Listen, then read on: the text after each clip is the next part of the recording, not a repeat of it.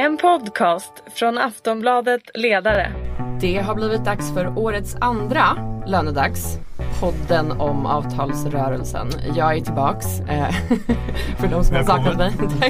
jag heter Margret Atladottir och eh, jag jobbar på Politism vanligtvis. Med mig har jag som eh, vanligt Susanna Lundell, chefredaktör för Kommunalarbetaren. Hej! Jajamän, hej hej. Tommy Öberg, kan man kalla dig för Nestor? Det går bra. jag godkänner dig då. du har skrivit om avtalsrörelsen i nästan alla tidningar som finns. Kan man ja, säga så? nästan alla. Eh, sist men inte minst Ingvar Persson, eh, ledarskribent på Aftonbladet. Hej! Ja, hej, tack.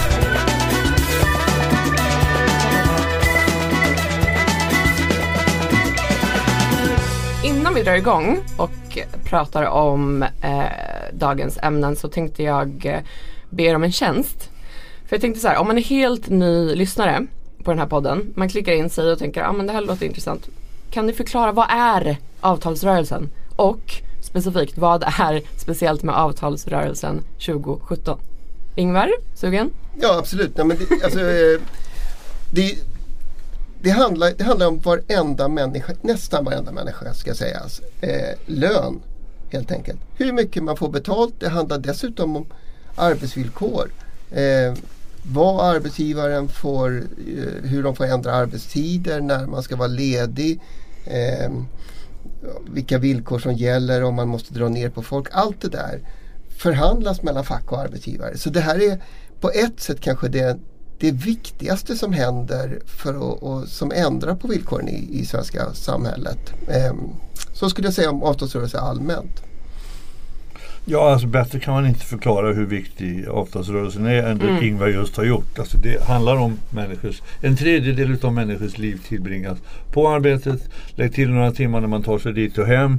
Så är det det helt avgörande för nästan alla människor. Och under vilka villkor man ska bedriva detta arbete är självklart att det är jätteviktigt. Och hur länge pågår den här rörelsen då?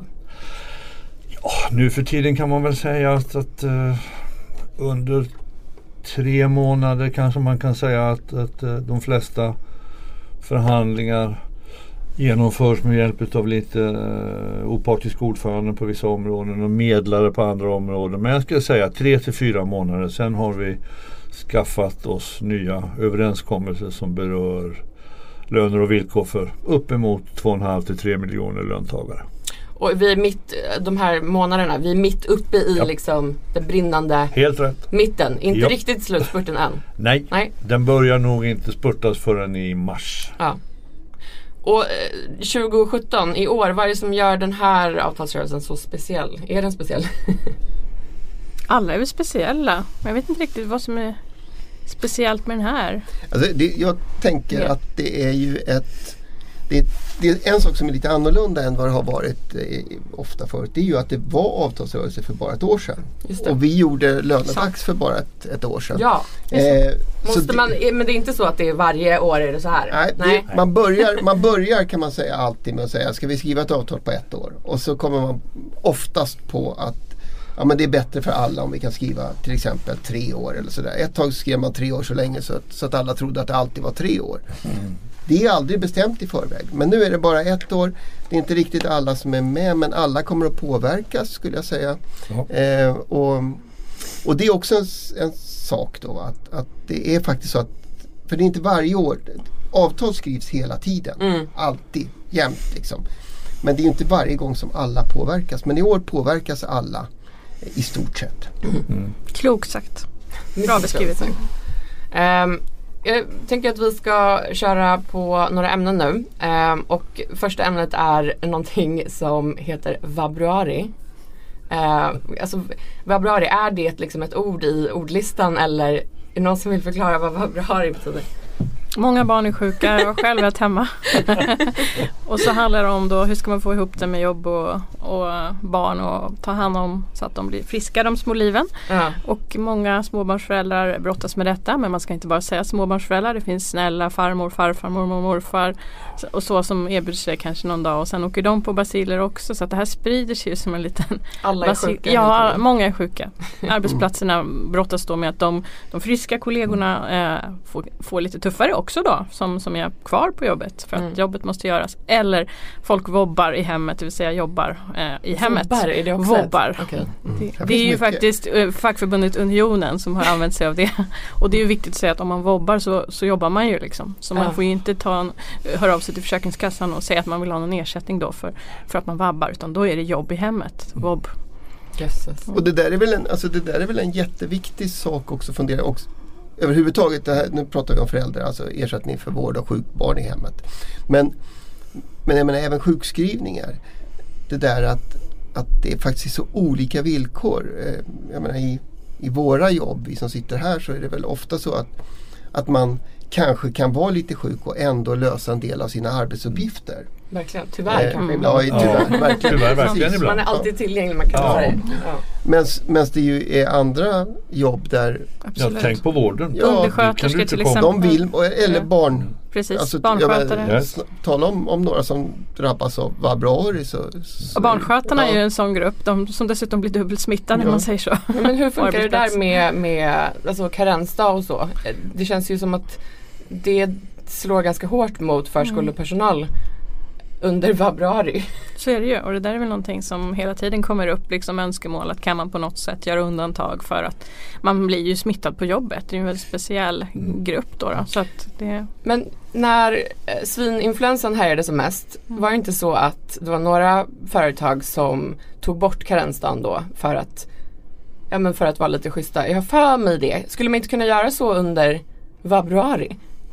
Ja det låter snällt. Får fråga arbetsgivarna vad de ja. säger. Fast jag, jag, jag tycker, alltså jag, jag, men det, då är, det, är, vi inne på en åsikt om vad som är, är stort och smått och sådär. Men jag, jag tycker att det är eh, karensdagen vid sjukskrivning överhuvudtaget borde gå att ifrågasätta. Mm. Alltså just därför att den, inte minst för att den faktiskt drabbar så olika.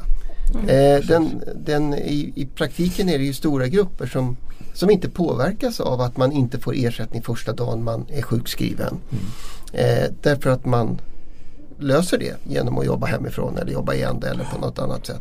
Medan det å andra sidan är jättestora grupper. Mm. Väldigt många kvinnor, yes. väldigt Sant. många arbetaryrken där det överhuvudtaget inte går. Det gynnar alltså tjänstemännen och ja. arbetarna åker på Men är det något fackförbund som har det som fråga att förhandla bort in, Eller kan de ens kan man förhandla bort Inte för närvarande så vitt jag vet. Ja, alltså man kan ju i princip kan man ju avtala om, om så gott som allting om ja. man blir överens med sin motpart. Men sedan den återinfördes karensdagen, den var ju faktiskt borta ett tag ska man komma ihåg. Så har frågan, När var detta? Snälla. Ja, jag skulle säga att det var 10-15 år sedan. Ungefär. Eh, alltså dels var ersättningen vid sjukskrivning högre och dels var karensdagen borta under en period och sen återinfördes det. Och sen dess har inte jag hört egentligen att det har funnits några skarpa krav om att, att man ska återgå till en ordning med både högre ersättning och mindre karens. Nej, jag tror frågan är mer eller mindre begravd för närvarande. Mm. Eh, Ingvar, vi mejlade lite igår om eh, just februari och karensdag och sådär och då skrev du, nu citerar jag här Um, februari, det är dessutom månaden där chefen pl plötsligt brukar ta sitt pick och pack och ge sig iväg till fjällen. Ja. Hur, alltså jag, vill bara, jag anar en typ av vrede här. Kan du, vill du? Nej men så är det väl också. Det vet vi ju. Det är ju en annan sån där sak. Eh, att, eh, att när, ehm, när det är skollov så är det, Just ofta, det, är det sportlov? Vecka nio i Stockholm. Ja, förr i tiden hette det februarilov till och med. Just det. Så Eh, då, då brukar ju plötsligt direktionsvåningarna vara soprena. Liksom. Eh, och, och jag som bor i Dalarna ser ser liksom de här, de här BMW-suvarna komma tuffande förbi med skidboxarna på taket. Eh, och inget ont i det men, men eh, så är det ju också. Jag förstår. En utsatt månad, februari. På många sätt. um, hörni, um, två av de LO-fack som har många kvinnliga medlemmar Handels och Hotell och Restaurang. De har presenterat sina avtalskrav sedan ni träffades senast. Är det så? Ja, så är det. Vad, eh, vad begär de? Vad vill de? Ja, förutom alltså LO-samordningens krav när det gäller löneökningar är ju de samma i, i de här facken som i övriga. De har ju ett, ett, äh, ett eget problem kan man i någon mening kanske säga tillsammans med kanske också Kommunal och ytterligare en fastighets också. Alltså det är ju det här med att, att uh, människor nu för tiden kan bli av med sin heltid mm. och bli utsatta för att över en natt förvandlas det till en deltidstjänst. Och det som kallas hyvling. Va, är det det, om du skulle förklara hyvling? Ja, för jag, jag läser det ibland. Ja, jag skulle, hyvling av arbetstid. Ja, jag, jag skulle säga att det utgår ifrån att, att när något företag alltså hamnar i ekonomiska svårigheter och överväger att inleda förhandlingar om att varsla personal om uppsägning så har man på flera ställen valt att istället ställa personalen inför valet att om ni sänker er vi sänker er arbetstid med 10% allihop så får alla vara kvar. Mm. Vilket ju är en oerhört pressad situation för var och en att säga nej till detta då och veta att då kanske en arbetskamrat förlorar sitt jobb. Just det. Och idén med hela den struktur som vi har byggt upp i Sverige är att människor ska undvika att hamna i utpressningsliknande situationer på sitt arbete. Utan man ska flytta avgörandet uppåt i en pyramid. Och så ska det avgöras av de som inte är direkt berörda. Det är liksom själva idén med detta. Nu har det blivit precis tvärtom. På flera ställen så har beslutet tagits lokalt. Var och en har fått marschera in på ett kontor, skriva på ett papper att min anställning går ifrån 100% till 80%. Skriver man på det och så säger man att jag är arg för detta och jag gör detta under protest. Men det spelar ingen roll. Dagen därpå så har du bara 80% tjänst. Mm. Och så får alla vara kvar och så är arbetsgivaren nöjd och personalen är ordentligt missnöjd. Detta är då en fråga som de här två facken som du nämner mm. vill diskutera med sina arbetsgivare.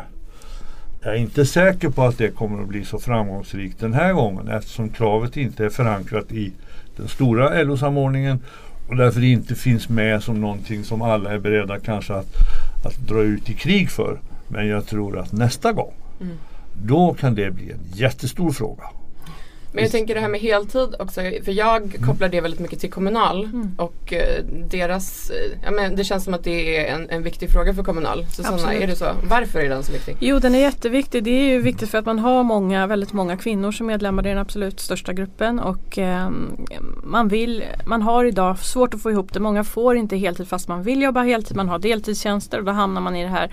Ska man plocka ihop många olika tjänster för att få ihop till en heltid. Man får eh, sämre pension när man inte jobbar heltid och så vidare. så vidare. Man måste vara tydlig med att säga också att man måste, eh, Kommunal har nu inlett ett stort arbete med, för heltid tillsammans med arbetsgivarna tillsammans. har lanserat en sajt som man kan gå in på eh, och läsa om, om det här arbetet. Därför man har satt som ett mål att om x antal år här så ska man ha heltid som norm i kommunerna. Det är en jättestor fråga.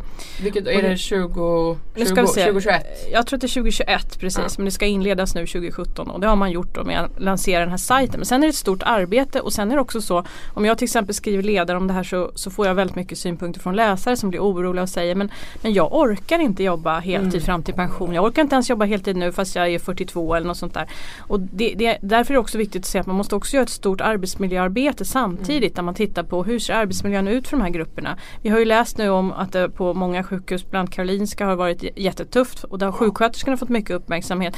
Men också undersköterskorna som, som är en grupp som vi skriver om i kommunalarbetaren har oerhört tuffa villkor.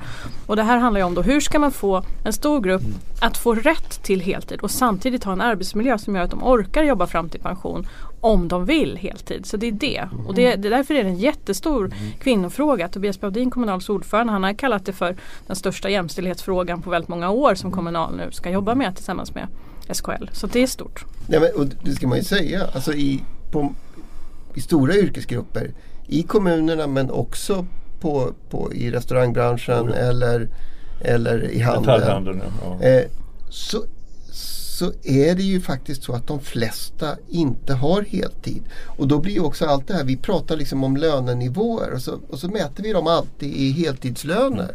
Mm. Men, men det är ju inte, det är faktiskt inte det man har i lönekuvertet när månaden är slut här. Eh, den 25. Utan man får något annat och mm. mindre. Mm.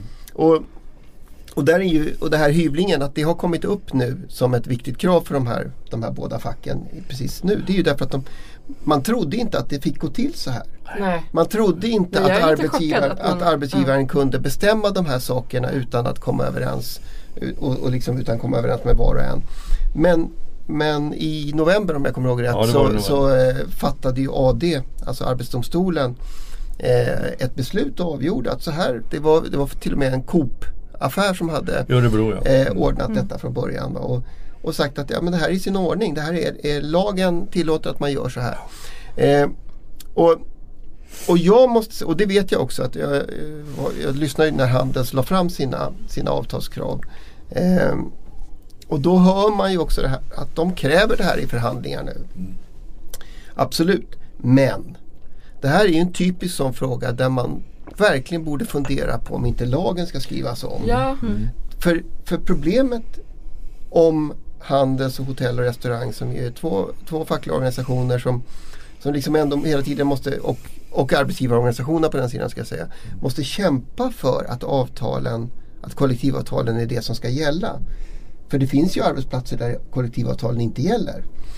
Eh, och blir det, blir det för stor skillnad mellan vad lagen kräver som gäller på alla arbetsplatser och vad kollektivavtalen kräver som gäller där man har ett avtal. Då är det ju risk att arbetsgivare säger ja men det där blev för dyrt. Jag, jag, jag vill inte ha ett kollektivavtal för jag vill kunna bestämma det här själv och hyvla bäst jag vill. Mm. Eh, och och det skulle, vara, det, skulle, det skulle inte spela så stor roll på en massa eh, i branscher där alla där facken är starka nog att säga ja men då får ni ingen arbetskraft heller. Mm. Men det kan spela roll. Men hur, hur ändrar man den lagen då? Alltså, jag tänker för att det, det är ju det kan man ju inte, eller så här, det är ju inte en fråga som man diskuterar i de här förhandlingarna alls. Nej. Nej. Men då, då ändrar man den, eh, skulle jag tänka mig, genom att till exempel eh, de här, alltså det är ju det man kallar för facklig politisk samverkan. Det är ju så att, att även, om, även om det viktigaste de fackliga organisationerna gör nog ofta är just att förhandla.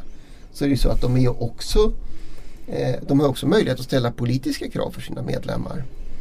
Till exempel ställa krav på regeringen nu, ställa krav på, på eh, arbetsmarknadsministern som är socialdemokrat eh, och på justitieministern som också är socialdemokrat och säga vi vill ha en ny lag på det här området. Eh, och det är nog ett det är det, men är det någonting som görs eller nej? Det är någonting ja, som ni vill att de ska göra? Ja men det är inte så, så långt bort om man, om man lyssnar noga på vad arbetsmarknadsministern Ylva Johansson sa i anslutning till det här utslaget i Arbetsdomstolen. Så var hon också till synes väldigt överraskad över utslaget och, och, öppnade för att det här måste vi alltså titta närmare på, måste vi förstå utifrån en, en slags utgångspunkt att det här var inte lagstiftarens avsikt ifrån början att det skulle kunna bli så här. Mm. Och då måste man väl fundera ett varv till då. Hur ska lagen om anställningsskydd i någon mening kunna förändras så att det här omöjliggörs? Mm. Vi är inte där än men, men jag tror att det finns, som Ingvar är inne på, ett, också ett intresse från de socialdemokratiska ministrarna att, att fundera några varv kring det där. Men det här är ju en svår fråga för fackliga ja. organisationer alltid. Ska vi, ska vi liksom tro att vi löser det här bäst själva Eller? ihop med mm. arbetsgivaren? Eller ska vi, ska vi begära lagstiftning? Det är ju heltidsfrågan Precis. är ju exakt samma. Mm. Mm. Um, visst är det så också att Handels och Hotell och Restaurang har presenterat sina krav i formulerat dem i kronor och ja, inte procent. Så är det. Eh, och det gör... Är det, är det, det, är det ovanligt? Nej, det gör nej. de varje gång. Och, okay. eh, och, och, idag har de ju då skrivit om, alltså, eller det blir alltid så att man räknar om LO-samordningens eh, pengar då i, i kronor. Eh, och det där har ju ofta varit ett sätt att, att liksom försöka få ut lika mycket som industrin kan man säga. Mm. Därför att för problemet som händer om man räknar procent bara. Det är ju att den som har minst betalt mm. får också minst löneökning. För procent på 20 000 är mycket mindre än procent på 30 000. Rätt. Eh, och, och därför har, har de här facken alltid formulerat sina krav i kronor. Det betyder inte att det är kronor till var och en eller sådär men det är så här mycket pengar man ska ha att fördela. Vad är det för summa vi talar om? Nu eh, och jag, nu, jag har faktiskt inte men runt 700 ah. eh, i månaden mm. handlar om när man räknar på När du räknar om de här 2,8 ja. Är det någon Och det beror ju lite på hur mycket, hur mycket man tjänar mm. i, i, i det här kollektivet också. Men runt 700. Är det någon som någonsin har kommit med en sån där riktig galen summa i under en avtalsrörelse? Det beror på vem du frågar. men för jag tänker, ja, men 700 det är ändå, alltså, det är ändå rimligt kan jag tycka. Eller är det mycket? Alltså... Ja men man måste utgå från att det är ett krav. Sen mm. ska det förhandlas. Precis. Så det blir aldrig sju. Flexibility is great. That's why there's yoga. Flexibility for your insurance coverage is great too. That's why there's United Healthcare Insurance Plans. Underwritten by Golden Rule Insurance Company, United Healthcare Insurance Plans offer flexible, budget friendly coverage for medical, vision, dental, and more. One of these plans may be right for you if you're, say, between jobs, coming off your parents' plan, turning a side hustle into a full hustle, or even missed open enrollment. Want more flexibility? Find out more about United Healthcare Insurance Plans at uh1.com. Nej, det... Utan det ramlar ner ett par hundralappar minst. Mm. Så att, och, men med, med, ett galet krav så, nej jag kan inte komma ihåg att någon har kommit och sagt 7000 istället för 700. Nej. Men det varför inte egentligen? För man skulle, skulle inte ta dem på allvar. Nej, och då skulle alla bara garva och säga, är du inte klok? Fast det, ja, eller, man vet ju aldrig. Fast det, alltså det man väl kan säga det är ju att, att det går, om, om man har ett stort fack och många medlemmar och hela samhället, då är det svårt att säga 7000. Eh, för, för då, då skulle ja, men det skulle få massa effekter och, och, folk skulle bli arbetslösa och så skulle det bli inflation. Och, ja, det är det ena med andra. All the way. Va? Eh, men, men det är klart att du har ett väldigt litet fack med några få medlemmar. Då kan du i princip ställa de där kraven. Eh, och nu har jag inte, jag kommer inte... Musiker, jag tänker på Musikerförbundet nu bara för att sist eh, jag var här med er så snackade vi mycket om idolmusiken. Ja. Mm. Mm. Hade de galna krav? De hade ju ändå ganska så här, omfattande krav gentemot det här produktionsbolaget. Det var rättigheter, alltså det var egentligen allt som, mm. som skulle förändras. Och, så. Men jag tror mer på att, att förutom att vara liten så måste man också vara väldigt eftertraktad på arbetsmarknaden om man ska kunna driva ja. den här typen av lite skämtsamma krav som vi nu pratar om. Mm. Och jag tror inte att Musikerförbundets medlemmar är i den ställning så att de är så efterfrågade Nej. så att de kan driva det. Mm. En del akademiska grupper som är små och väldigt eftertraktade kan säkert i den lokala lönebildningen se till att få ut väldigt, väldigt mycket mer än många andra. Men det syns inte när man förhandlar i de centrala avtalen utan det är steg två i den processen. När fördelningen tar vid då kan många som sådana här grupper gynnas väldigt kraftigt. Mm. Eh, är ni redo för att tala om tuppen. kan väl aldrig bli mer redo än nu. Vi måste tala om tuppen helt enkelt. Eh, så här, Kommunal lanserade ju en tupp eh, häromdagen. Eh, och skämt åsido så är det här alltså en reklamkampanj eh, som kom ut för några veckor sedan med devisen Kommunal vaknar. Och i den här eh, filmen, eh, som, den som jag har sett i alla fall, så kan man ju höra eh, Tobias Baudin eh, med en tupp i famnen eh, säga att det är dags att vi lyssnar och här har vi en tupp som ska skanna av sociala medier på något sätt. Och om våra medlemmar eller om människor skriver positiva saker om oss så blir tuppen glad. Om vi får massa kritik, om folk är arga så blir tuppen arg. Um, ja. Tuppen har, har ju ändå liksom, så här, det är ju lite av en succé. Tuppen har varit med i TV har jag sett. Yes. Ja, hos Filip och Fredrik. Precis, mm. inte fy skam. Eh, Ingvar, du har också skrivit om tuppen. Bara en sån sak. Vi, kanske, vi börjar med dig Susanna. Du får eh, vad tycker vi om tuppen? Alltså det är ju tuppens år i år får man ju börja med att säga. Jag vet för att jag var i Peking för några år sedan och köpte till mina barn en sån här som de har där alla barn har, eller många har. För varje år då är det en gris eller det är en tupp och så vidare. Och det är liksom tuppens år i år. Men är det därför man har valt en tupp? Ja, det vet inte jag. Men, okay. men jag, vill, jag vill ändå lyfta in denna in, kanske oväsentliga mm. detalj. Men Nej, jag tycker men det, är, det är lite intressant, intressant tuppens år.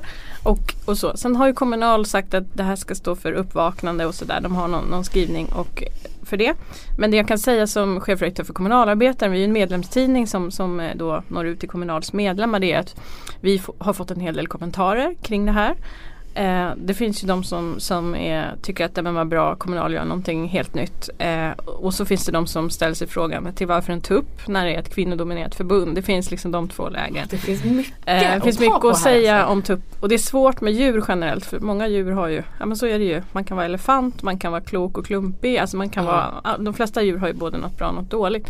Men om man tittar, om man liksom breddar sin blick lite grann så skulle jag gissa utan att veta att man har tittat på Unionen faktiskt. För Unionen har ju den här hjältekampanjen som man har kört i många år. Där har man eh, hjältar på arbetsplatsen där man liksom har både kvinnor och män utstyrda i olika hjältekostymer som plötsligt tar ett steg och gör, får en bättre arbetsmiljö eller vad de nu gör för någonting. Och där har man ju kört mycket tv och det har synts mycket och sådär och mm. det har väl där har väl, det har väl varit ganska mycket kritik skulle jag säga mot unionen för det här. Mm. Men det har väl också varit ett sätt där fackförbunden har synts på, synts på ett helt nytt sam, äh, sätt och också kanske gått i andra medier. Så man har börjat tänka att, ja, och, och, precis och TV liksom, mm. ja, precis hela den här grejen. Så jag skulle kunna gissa att man har tittat på det här då när man har tänkt att vi ska, sen varför blev en tupp det har jag ingen som helst aning om. Jag känner att jag vill gå tillbaka med det här och ringa upp och fråga för det, det måste ju vara att för att det är tuppens år. Ja, jag, jag, har ju, jag har ju pratat med Tobias Baudin eh, om tuppen lite grann. Då. Men först Ingvar måste vi ändå säga att du skrev ju en text om tuppen. Ja, eh, om kampanjen som var väldigt eh, kritisk. En rolig text. Ja, ja, tack, det var meningen att det skulle vara lite rolig. Eh, nej men så här, ja, det är ju jätte, jättebra det här att man har att ett fackförbund vill prata med sina medlemmar. Eh, mm. Jag tycker till och med att det är bra att förbundskontoret öppnar en kanal eh, in centralt. Det tycker jag är jättebra. Sen, sen tänker jag ju att en folkrörelse som består av medlemmar och, och som liksom är med, där medlemmarna är styrka den, den måste ju också vara sitt eget medium. Alltså i en, en, en facklig organisation så är det väl jätteviktigt att intern eh, kommunikationen fungerar och att medlemmarna upplever att facket finns på arbetsplatsen. Eh, att man vet vem det är som är facket för att för att säga det på det sättet. Mm. Och det är svårt men det är, jag tror att det är jätteviktigt. Så det, men jag tycker att det är bra att Kommunal försöker hitta nya vägar. Så där. Det jag egentligen tycker, och tuppen eh, den, den, eh, enligt Tobias Baudin då så, så är den ju en symbol för just eh, uppvaknandet. Han, han upprepade det här som han säger i filmen att tuppen har, varit en, har väckt människor i sen historiens gryning ungefär. Mm. Så det är nog så de har tänkt, jag vet inte. Men, men, eh, men för mig så nästan det mest lite knepiga i det här det är, ju, det är ju tanken att man sätter en robot ja. på att prata med medlemmarna eller på att lyssna på medlemmarna. Alltså det finns något väldigt symboliskt i att vi ska lyssna på medlemmarna så vi köper en maskin som gör det. Eh, om, om det hade varit Aftonbladet som hade en maskin ja. som liksom kollade om, om vi låg bra eller dåligt till på Facebook. Därför att vi inte tycker att, att det är ett jobb som, som vi ska sätta personal. Det skulle jag förstå. Alltså faktiskt eftersom det här är ett kommersiellt företag. Men, Men är det att det känns också som att, så här, att det, det, den känns dyr? Är det det kanske också? Det, för i, man, man, har ju... Fast så dyr ser den inte ut när man ser den. Robot! Jag tyckte att, att du fick till att 39,90 på, ja. på Jula eller vad var det du skrev ja, men om, det, om den hade kostat några hundralappar på, ja. på eh, Kjell Company så, ja. så tyckte jag, men det, jag vet inte vad den kostar. Eh, men, men det är nog inte det den, kostar, den, kost, den kostar nog, själva roboten kostar säkert mycket mindre än, än reklamtiden i TV. Mm. Eh, nej men det, jag, som sagt det är jättebra. Fackförbund måste prata med sina medlemmar. Det ska vi, det ska vi liksom säga. Mm. Eh, och det är jättebra att man försöker hitta nya former för det. Och Kommunal som ju har haft en del kommunikationsproblem med sina medlemmar eh, på senare tid. Alltså jag tänker på ja. förra vintern. Skandalen.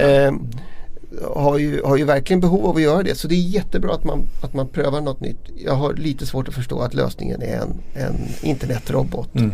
Tommy, vad tycker du om tuppen? Ja, nej, jag tyckte väl utifrån det här med att, att, att Kommunal vaknar. Alltså jag, jag, hade stora problem med det för jag utgick ifrån att en organisation med så många år på nacken redan hade vaknat. Ja. Så att man inte behövde en tupp för att uh, börja förstå vad det är som rör sig bland medlemmarna. Och jag tycker lite som Ingvar i det här fallet att, att göra det till en teknisk fråga i någon mening. Att det kändes inte, jag, jag trodde faktiskt först inte att det var på riktigt. Mm. Jag trodde att det var ett litet skämt. Mm. och uh, tyckte inte att det var, var särskilt kreativt. Jag delar uppfattningen om att det är jättebra att försöka hitta vägar att uh, kommunicera och uh, försöka förstå vad som rör sig i medlemsled och att det öppnar spjäll mellan medlemmar och förbundsledningar. Men det betyder inte att varje idé man får är en fullträff. Och i min värld är det här inte en fullträff. Nej. Får, jag tycker vi får se lite. Mm. Undrar om tuppen vi har kan väl ändra oss om det visar sig att det är en succé. Men jag tänker undra om tuppen har en algoritm som kan höra vad vi säger. Och, alltså, det, det vore väl en funktion. Det kan lyssna av, scanna av podden ja, och sen eh, komma med ett ansiktsuttryck. Mm. Hörrni, innan vi avrundar. Eh, direktörslöner. Mm. Vad kan vi säga om direktörslöner? Jag slänger bara ut. Ja. Det är ett jätteproblem skulle jag säga. för, att, eh, för att jag studsar lite på det här att, att direktörslönerna nu låg på vad var det, 22 gånger en undersköterskas. De Nej, topp. Det var, du, alltså, så här, härom, härom, häromdagen så kom ju LO med en, en rapport. Det är en Just gammal rapport. Ja. De brukar göra den. En gång om året. Ja precis, har gjort i 17 år och dessutom har de sifferserier ända tillbaka till 1950. Vad heter den? Den heter Makteliter och, och så har den olika undertitlar. I det här fallet Makteliten reglerar inte sig själv. Och Det den visade eh, nu det är att direktör, alltså toppdirektörer, jag ska säga det, det, det ett antal 50 toppdirektörer i riktigt stora svenska företag så det är inget genomsnitt utav alla direktörer som finns eller något sånt. Men de här 50 toppdirektörerna som är samma som man har mätt ända sedan 1950. Mm. De tjänar i genomsnitt 54 industriarbetarlöner. Det är nämligen, och skälet till att de använder industriarbetarlöner är att det är det man kan ta sifferserier ända tillbaka till mm. 50-talet på. Så varje så nu när vi, när vi då skriver slutet på februari så betyder det att en normal industriarbetare har fortfarande inte tjänat lika mycket som direktören tjänade den 2 januari Nej. om han kom till jobbet. Mm. På bara det. Alltså fortfarande har en, en industriarbetare som har varit, inte vabbat och ingenting utan varit på jobbet varje dag inte tjänat lika mycket som den här direktören tjänade. Det tror jag, så, så finns det massa andra saker, det är en jättespännande rapport. Men, men för mig så tror jag att när, vi, när folk ser det där ute på, på fabriken eller eh, på sjukhuset eller, eller sådär. Och så får de höra, nej ni kan inte få just mm. någon, någon löneökning. 700 det, kron, de där 700 kronorna känns ja, ju ja, lite det, det går inte. Ja, mm. nej men det går inte för då klarar vi inte konkurrensen. Det är väldigt svårt när man ser att, att direktörslönerna stiger mycket fortare än några 2,8 procent. Mm. År efter år efter år. Ja och glappet till undersköterskor är ju ännu ja, ja, större än industriarbetare. Det var lite det som störde mig. Liksom, att hur ska, det, här, det här som vi pratade om, hur ska, hur ska man liksom komma närmre mm. varandra när det ser ut så här, när det ökar och när det blir som värre. Och hur ska, ja men det här med de stora skillnaderna i samhället när det gäller just lön och allt, allt sånt och segregationen ökar. Det här är ju en jätteviktig del. Jag vet när Ingvar Carlsson var statsminister, nu kommer inte jag ihåg hur mycket han hade men, men hans lön i jämförelse med en undersköterskas då, mm. glappet där jämfört med hur det ser ut nu. Det har ju hänt någonting då, om man tittar på topparna. Nu menar inte jag att Ingvar Carlsson var en av de högst betalda i Sverige då, för det var han inte. Men så som det, det har hänt någonting i mm. samhället. Varför går det så, nu höll jag på att svära, varför går det så jävla bra för deras löner och så trögt för arbetarlönerna? Ja, alltså dels är det ju två olika diskussioner. Alltså att, att ge en direktör mycket pengar kostar i förhållande till att ge 7000 anständiga löneökningar väldigt mycket mindre. Mm. Men symbolvärdet i den här politiken som pågår är väldigt starkt. Jag tror precis som Ingvar sa just att, att den som ser det här mm. tänker ju inte alltid på i storhet och tycker bara att det är djupt orättvist. Att man sliter och släpar men blir alltid tillsagd att det finns inte ens de här hundralapparna som ni vill ha. Medan andra helt plötsligt då kan hämta hem miljoner extra. Det är klart att det sticker i ögonen. Mm. Och sen ska man faktiskt, alltså, det, där är, det är ju till och med så att eh, det är inte helt obetydligt ur samhällsperspektiv. Eh, alltså om man tar varje enskild individ är den förstås obetydlig. Mm. Men de aldrig, och det har man ju sett i andra länder också men det gäller även i Sverige. Alltså tar man de allra rikaste, den allra rikaste procenten så tjänar de så mycket utav samhällets resurser att det faktiskt har betydelse. Och menar, en, en sak är ju att man kan ju inte man kan ju inte ens sätta sprätt på pengarna. Alltså man kan ju inte ha hur många Lamborghini och, och, och, och eh, liksom lyxjottar och sådär och, lägenheter i Nice och, och privatflygplan. Det, går, alltså det finns en gräns för hur mycket man kan, kan konsumera. Ja, det är ju därför de pengarna ju inte går in i cirkulation på, på rätt sätt. Utan Nej. oftast läggs det ju bara på hög. Vilket ju är, alltså det är dåligt använda pengar. Och dessutom gör det förstås för folk för Jag menar, den, en, en undersköterska som då kämpar och tycker att, att jag skulle, mm. mm. skulle behöva ha lite bättre betalt och jag skulle vilja ha heltid. Och så mm. säger man nej det går inte, då har vi inte råd med Så det är ingen slump att den här rapporten kommer typ nu? Nah, den brukar komma så här års mm. men den kommer väldigt bra nu. Vi ska mm. elda på hålet mm. inför slutspurten. Um, för så är det nu. Um, när vi ses nästa gång, vad kommer ha hänt tills dess? För då är det verkligen uh, då är det dags för liksom, de här avtalen. Ja, säg att det är sista veckan i mars. Mm. Ja, då, då vet vi nog ungefär hur, hur tänkbara slutuppgörelser kan se ut. Men vad händer om Vilka man inte blir klar, som... om man inte kommer överens? Vad händer då? Kan man förlänga? Ja, ja det kan man. Mm. Absolut. Alltså, det har hänt vid ett flertal tillfällen att förhandlingarna har dragit in ett antal dagar i, i april. Och så har man gjort upp kanske en dag, två, tre, någon gång fyra dagar efter så att säga utsatt tid. Men så länge man är överens som parter om att man låter de gamla avtalen löpa på med sju dagars uppsägningstid. Ja, då ger man sig själv lite extra utrymme om det behövs. Men jag tror att de är så stolta över att försöka sköta sig så att säga enligt det regelverk som finns. Så att, nej, 31 mars tror jag fortfarande är en väldigt bra gissning. Mm. Det är då man ska vara i mål med i alla fall ett stort antal viktiga avtal. Det är inget förbund som är så här, eller förlåt. Ja, går, går, man över, man ska säga det, går man över den tiden då blir det plötsligt möjligt att börja varsla om strejker ja. och sånt där. Ja, det, kommer det bli någon strejk? Har man några känningar? Är det någon som liksom vad tror ni? Ja, jag tycker ju att det känns relativt avlägset ja. än så länge måste jag säga. Jag ser inte någon fråga som ännu så länge har fått någon att att röra på sig i den meningen. Men det kan ändra sig ganska fort ska man lägga till. Alltså, ja. att om, om någon viktig fråga blir riktigt på högkant under första eller andra veckan i mars så är naturligtvis alla förbund i någon mening beredda att uh, sätta igång sin konfliktorganisation. Men jag tycker inte att det går att se just nu. Nej. Susanna, vad har du för tankar? Nej, det är jättesvårt att säga om ja. det kommer bli någon strejk eller inte. Det är svårt att säga om det får återkomma längre fram. Alltså det man, det man väl kan, kan säga som skiljer den här avtalsrörelsen det här, eh, från förra avtalsrörelsen. Det är ju att, att en del utav huvudfrågan när det kommer till LO-samordningen.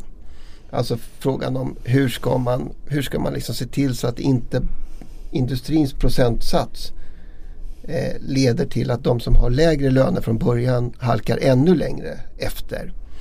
Det, ja, så skulle man kunna säga. Den huvudfrågan Förra, förra gången så låg ju den efter att industrin hade, hade slutit sitt avtal, i alla fall formellt. Mm.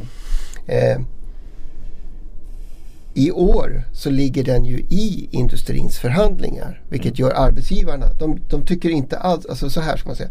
De, teknikarbetsgivarna, alltså fabriksarbetsgivarna, tycker inte om idén att till exempel de hotell och restauranganställda ska få lite mer procent. Mm. Så att de får lika många kronor. De tycker inte alls om den idén.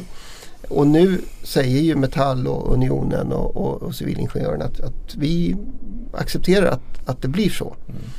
Så att det kan bli liksom bråk där. Det, mm. det ska man nog säga. Det är en principfråga. Sen är väl det troliga att man löser det där genom eh, kreativ eh, ja, oenighet på något sätt. Så att alla går, ut och säger, alla går ut och säger att de har fått som de ville. Det är en bra lösning ofta.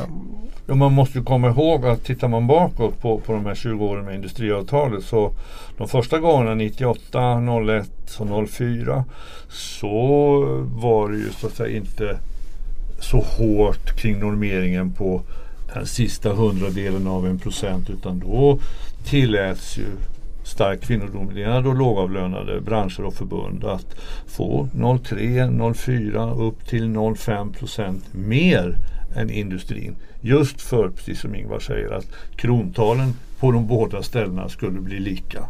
Och eh, det var väl ingen som tyckte att, att det här på något vis underminerade modellen som helhet utan alla liksom sa ja, det är väl okej. Okay.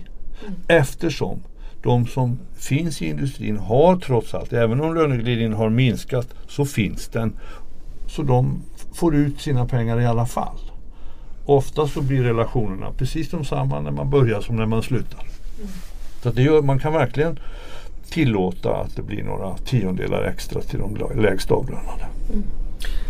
Tack Tommy Öberg. Tack! Tack Susanne Lundell. Tack. Tack Ingvar Persson. Tack så mycket. Och tack till dig som eh, har lyssnat på Lönedags. Vi hörs om en månad igen. Ha det bra, hejdå!